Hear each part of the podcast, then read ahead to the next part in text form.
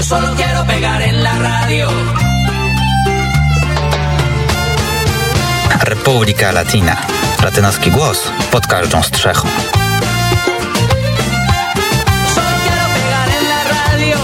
Witamy serdecznie. Zbyszek Dąbrowski, Republika Latina. Muy buenas noches. Witaj. Halo, halo, czy się słyszymy?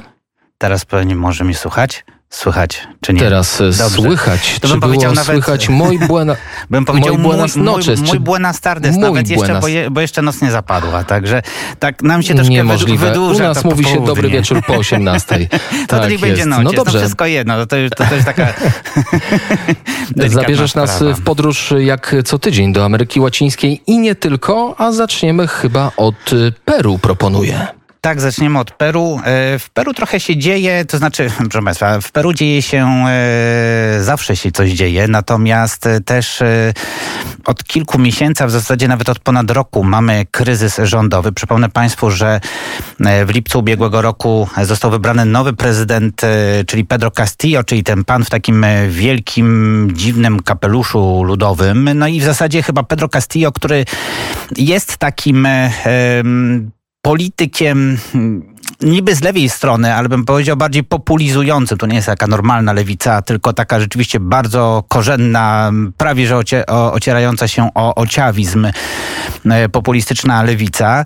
E, I e, Pedro Castillo, który no, został wybrany, przypomnę Państwu, na zasadzie mniejszego zła. Jego konkurentką była Keiko Fujimori, również populistka z tym, że z prawej strony. No i jednak chyba Peruwianczycy stwierdzili, że Pedro Castillo może być troszkę lepszą opcją, zwłaszcza, że mm, uważano, że Pedro Castillo nie, nie reprezentuje takich ciągot autorytarnych, jak to, jak to można było sobie wyobrażać e, w przypadku Keiko Fujimori.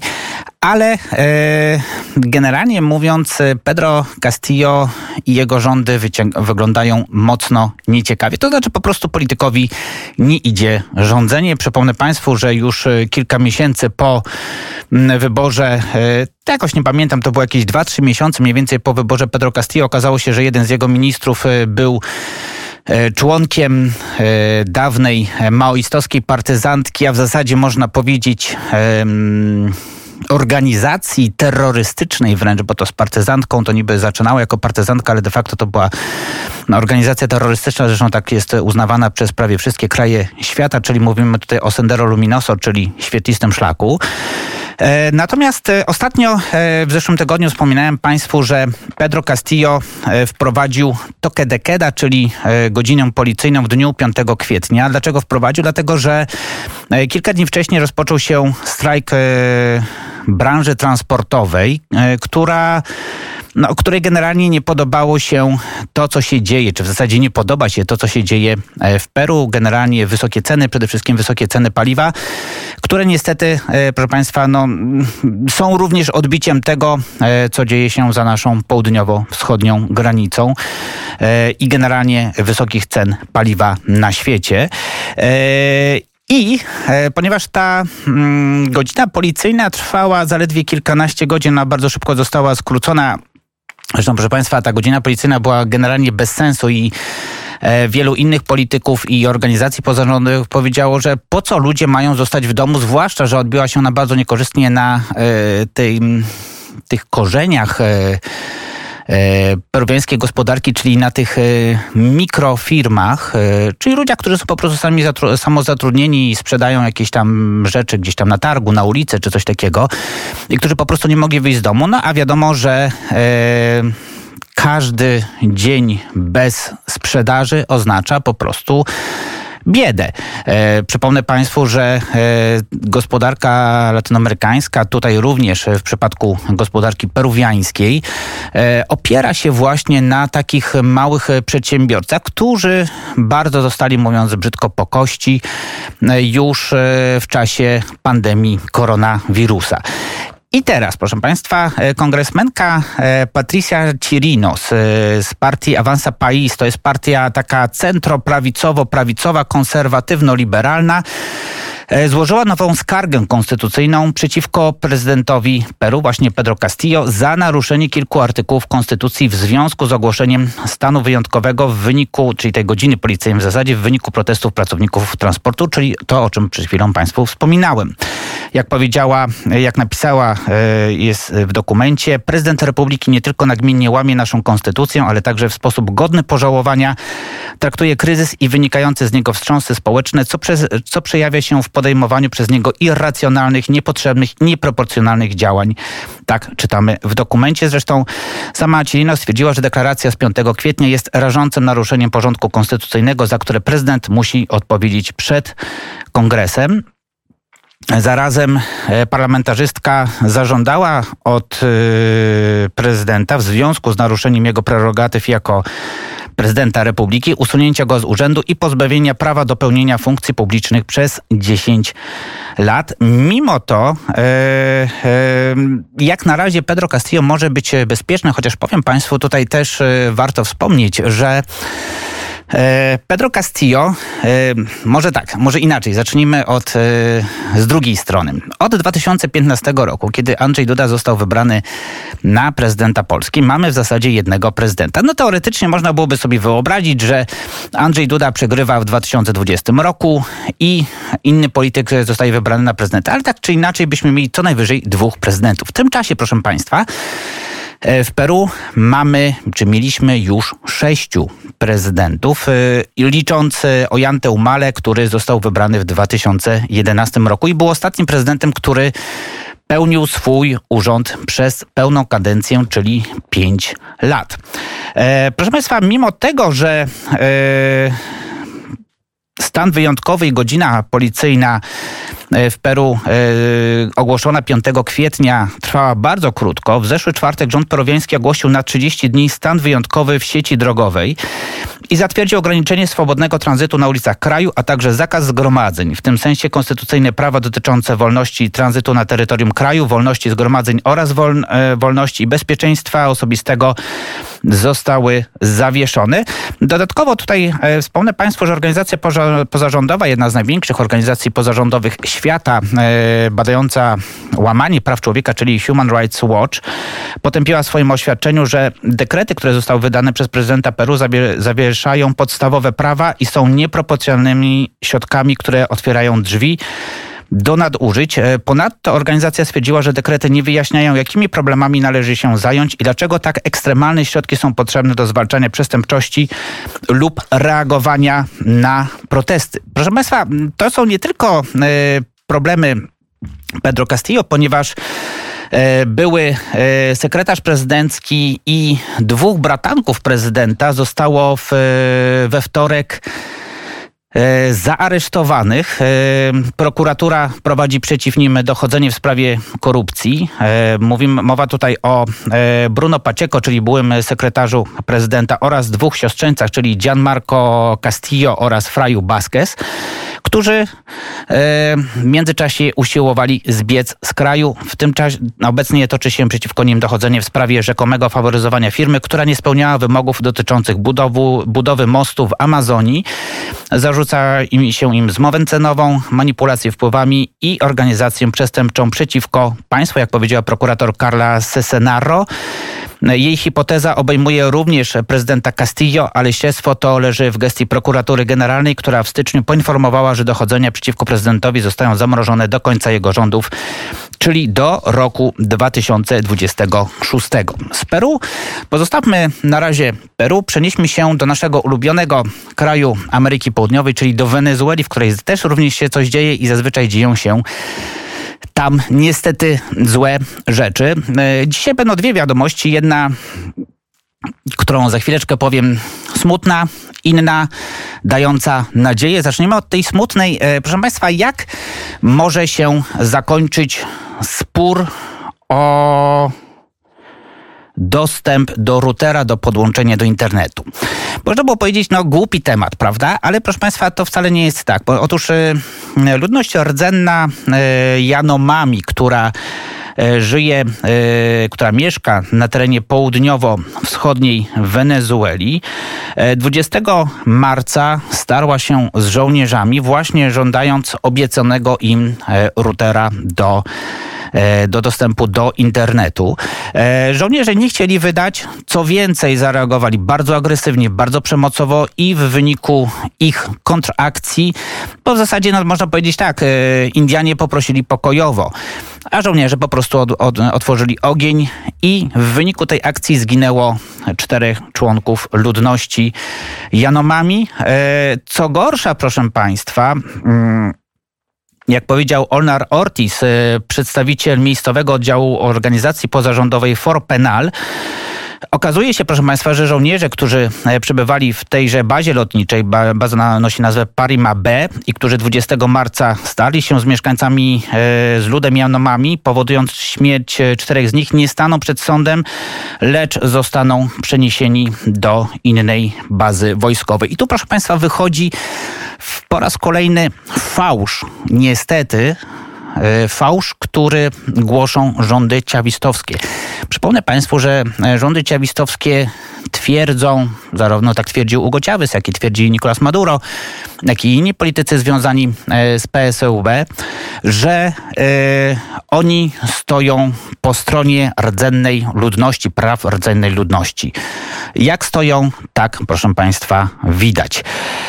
E, Przenieśmy się teraz do Meksyku. Proszę Państwa, André, Andrés Manuel López Obrador, znany również jako AMLO, ma powody do radości. Otóż e, w ostatnią niedzielę odbyło się referendum na temat jego odwołania, w którym większość mieszkańców opowiedziała się za pozostawieniem go na urzędzie. I to, proszę Państwa, było takie referendum, które zostało przeprowadzone dosyć, e, to był taki dosyć sprytny pomysł e, prezydenta Lopeza Obradora, ponieważ od kilku lat trwa jego mm, spór z Narodowym Instytutem Wyborczym, czyli taką komisją wyborczą, nazwijmy tak jak u nas jest Centralna Komisja Wyborcza, tak w Niem, e, przepraszam, w Meksyku e, ta organizacja nosi nazwę INE, INE czyli Instytuto Nacional Electoral.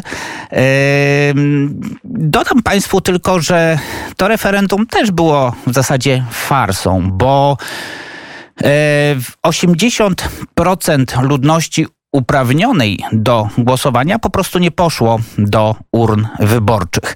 E, Andrés Manuel López Obrador zarzuca INE, e, że fałszują oni wyniki wyborów e, i generalnie, że bojkotuje go, że urzęd, urzędnicy czerpią jakieś dziwne e, korzyści. Natomiast e, de facto, proszę Państwa, e, sytuacja ma swoje drugie dno.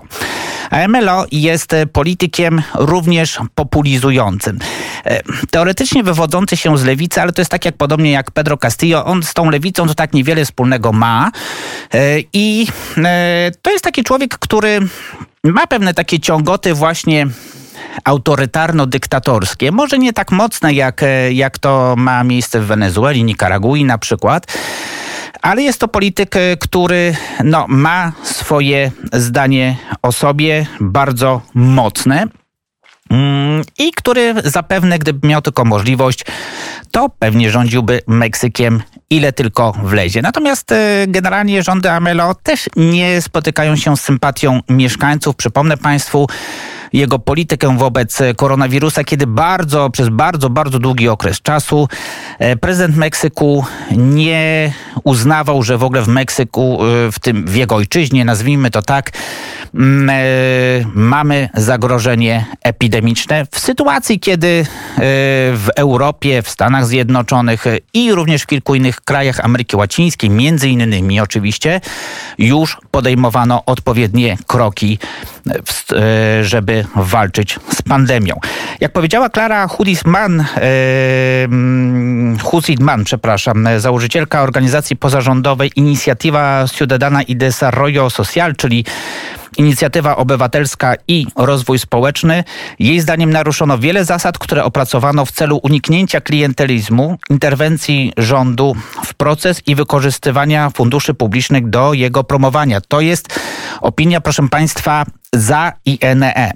Dlatego też uznała konsultacje, e, które chce prowadzić EMLO w celu de facto rozwiązania INE za bardzo smutny krok wstecz dla, na, dla tych z nas, którzy od co najmniej 30 lat walczą o uznanie i poszanowanie praw politycznych w Meksyku. Jak powiedziała, był to bezużyteczny wydatek i powrót do praktyk polegających na narzucaniu gubernatorom Moreny, czyli rządzącej partii, z której wywodzi się AMLO, kwot wyborczych, czyli głosów, które obiecali uzyskać lokalni gubernatorzy, tak jak robiła to PRI, czyli partia rewolucyjno-instytucjonalna przed 1990 rokiem. Przypomnę Państwu, że ostatnie półwiecze XX wieku to były rządy właśnie PRI, rządy można powiedzieć e, autorytarne, a na pewno rządy jednopartyjne.